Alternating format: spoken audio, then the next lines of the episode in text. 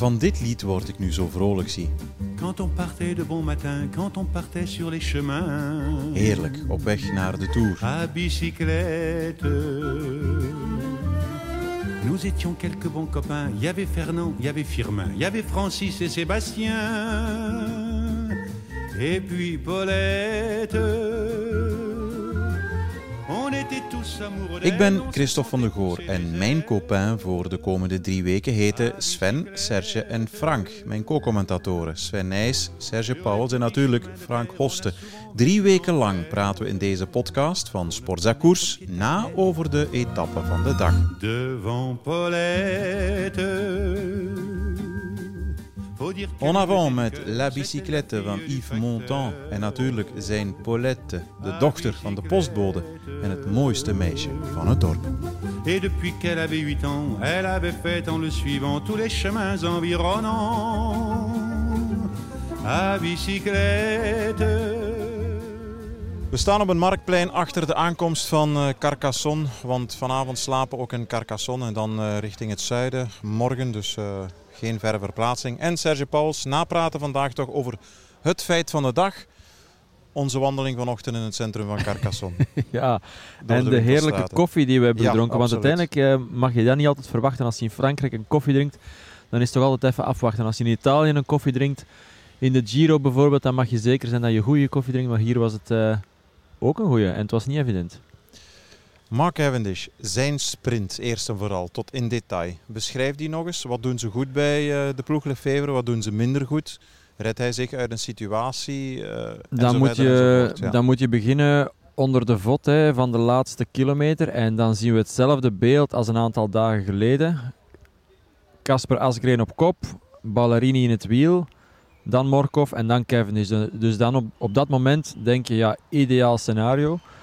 Maar op 600 meter van de meet is er een bocht en Ballerini in tweede positie zit daar een beetje achterom te kijken, zit te wachten op zijn moment om aan te gaan om zijn beurt te doen. En dan wordt hij eigenlijk op snelheid gepakt door twee jongens van Team DSM. En dan moet hij anticiperen, moet hij versnellen, want eh, hij voelt eh, dat Morkov en Cavendish ingesloten raken. Dat hij, het, Morkov het wiel kwijt is van eh, Ballerini en Cavendish op- is op zijn beurt het wiel kwijt van Morkov. Dus op dat moment gaat eh, Ballerini heel hard aan en eigenlijk zodanig hard dat hij alleen weg is.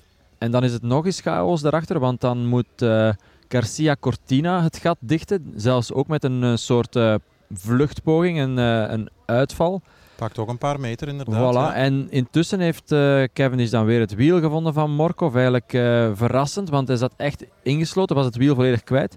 En dan komt alles toch weer eh, goed in zijn plooi terecht. En ja, op het moment dat Philipsen vanuit het wiel van Cavendish aangaat, een seconde later gaat Cavendish zelf aan. En dan zie je gewoon het verschil in snelheid. Nochtans, Philipsen een hele mooie sprint gereden, ook perfect gedaan wat hij moest doen. Maar het verschil in snelheid was daar. En ehm, Philipsen is nooit voorbij het wiel, het voorwiel van, eh, van Cavendish geraakt, die, die dan zijn 34ste rit in deze Mhm. tour heeft in, in de Tour heeft gewonnen. Je kan veel zeggen over zijn sprinttrein, heel veel. Die is van goudwaarde. Maar de manier waarop hij hier sprint, Cavendish, vind ik zo vergelijkbaar met, met zijn, zijn topjaren in het begin. Toen hij Ja. vier keer won, vijf keer, zes keer. Hij, is- hij sprint weer diep voorover gebogen, haalt een hoge omwenteling eh, snelheid. Ja, op zijn 36e. Ja, je kan niet zeggen dat deze Cavendish aan snelheid heeft afgebot. Integendeel, Nee. hè. Het, is, eh, het is inderdaad, zoals je zegt, de, de beste Cavendish die we ook gezien hebben toen hij meerdere ritten won in, eh, in de Tour. Hè. De jaren, de edities, zoals 2016 bijvoorbeeld. En eh, ja, natuurlijk zit dat wel verweven in het feit dat zijn ploeg ook goed werkt. Hè. Want een Cavendish die niet goed omringd is, die zich niet goed in zijn vel voelt, die, die eh, niet de mannen rondom, heeft, rondom zich heeft die, die de sprint aantrekken, die komt ook nooit aan sprinten toe of, of niet op zijn beste. En het is een renner die echt eh, het nodig heeft om, om hè. perfect Ja, aangetrokken ja. te worden, zoals Morkov dat perfect doet. En eh, ja, pas op, het was vandaag wel een, een andere sprint dan de andere sprinten die hij in deze Tour heeft gedaan. Hè, want, eh, ik Hoe heb komt een, het volgens jou dat hij dat wiel even kwijtgeraakt? Was moeilijk te zien. Dat was moeilijk te zien, maar het heeft alles te maken met die chaos die een beetje gecreëerd werd door het inhouden van Ballerina. Ballerini in die Ja. bocht naar eh, links op 600 meter van de meet. En het, uh, ja, het overruled worden door, die, door dat duo van Team DSM. En ja, goed, het, het, het blijft uh, iets, iets, iets heel chaotisch, zo'n massasprint. Dus dat is allemaal begrijpelijk. Het is soms zelfs gek dat het de voorbije keren elke keer zoals uit het boekje is gelopen.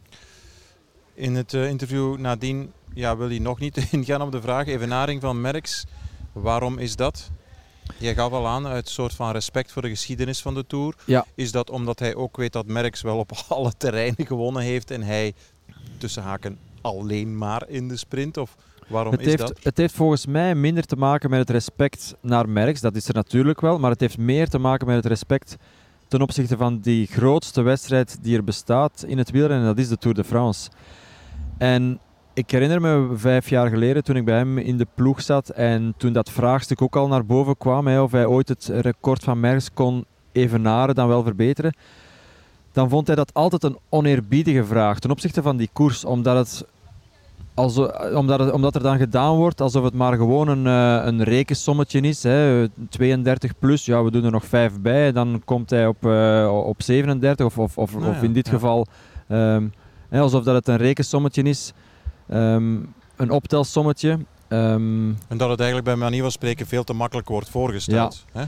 En hij gaf het ook aan in het interview achteraf dat uh, deze overwinning aanvoelt alsof het zijn eerste overwinning is in de Tour. En omdat elke overwinning uniek moet zijn. Want uiteindelijk hebben heel veel renners heel hun carrière gevochten om misschien ooit eens één rit te winnen in de Tour.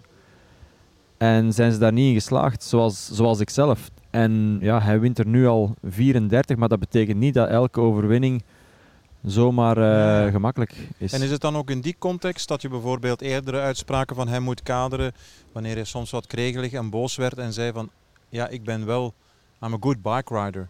Ik, ik ben geen slechte coureur, ik kan meer dan dat. En dat hij daarmee wil aantonen of heeft willen aantonen, kijk, 30 keer winnen of 34, whatever.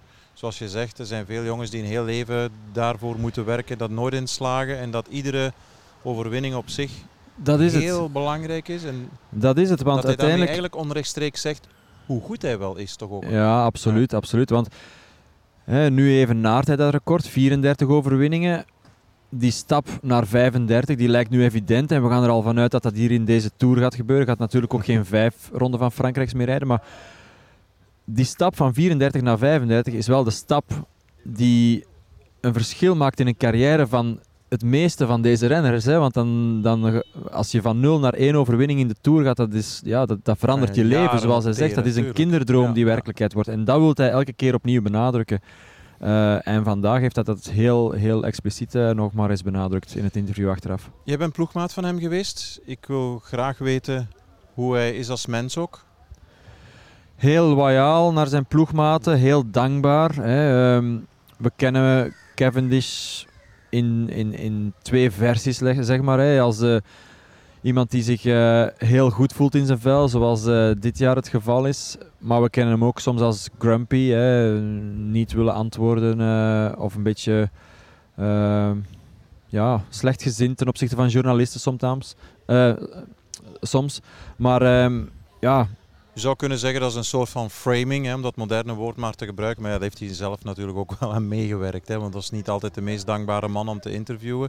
Maar dat is een totaal ander etiket dat hij gekregen heeft van buitenaf. Of zelf mee voor gezorgd heeft. Dan dat jullie hem allemaal binnen in het peloton, ja. uh, verzorgers, mechaniciëns, noem maar op, maar ik, hem kennen. ik denk dat hij in de eerste plaats authentiek is. En hij is niet gemaakt. Dus hij hij is wie hij is en hij is ontgoocheld als hij, als hij verliest. Maar hij is ook super blij als hij wint. Hij is uh, ja, uh, soms grumpy als, als het hem niet aanstaat. Hij, hij is wie hij is. En uh, we hebben het deze week ook al gezegd: sport is emotie. Hij is daar het beste voorbeeld van. Dat is waar. Ja, en, en Wiggins, moet ik er plots aan denken, is in zekere zin ook zo. Hè? You, you see what you get bijna. Ja. Geen, geen gefake. Dat is het. Uh, en geen loze persberichten of dat soort zaken. Uh, ja, kwaad is kwaad. Onnozele, stomme vraag van een journalist. Dan zegt hij, dat is een stomme vraag, punt. Ja, ja. ja, dan, ja En dat, ma dat maakt tegelijkertijd uh, deze sport zo mooi. Want we hoeven toch geen eh, renners die, die, perf- die perfect gemaakt zijn. Hè, die, ehm, Hij zorgt voor een rimpeling op het water, heb ik al eens gezegd.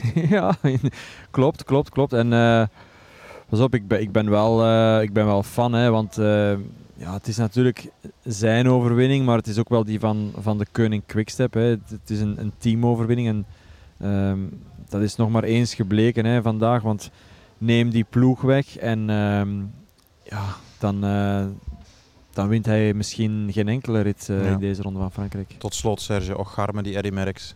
Wat gaat die moeten doorstaan vanavond?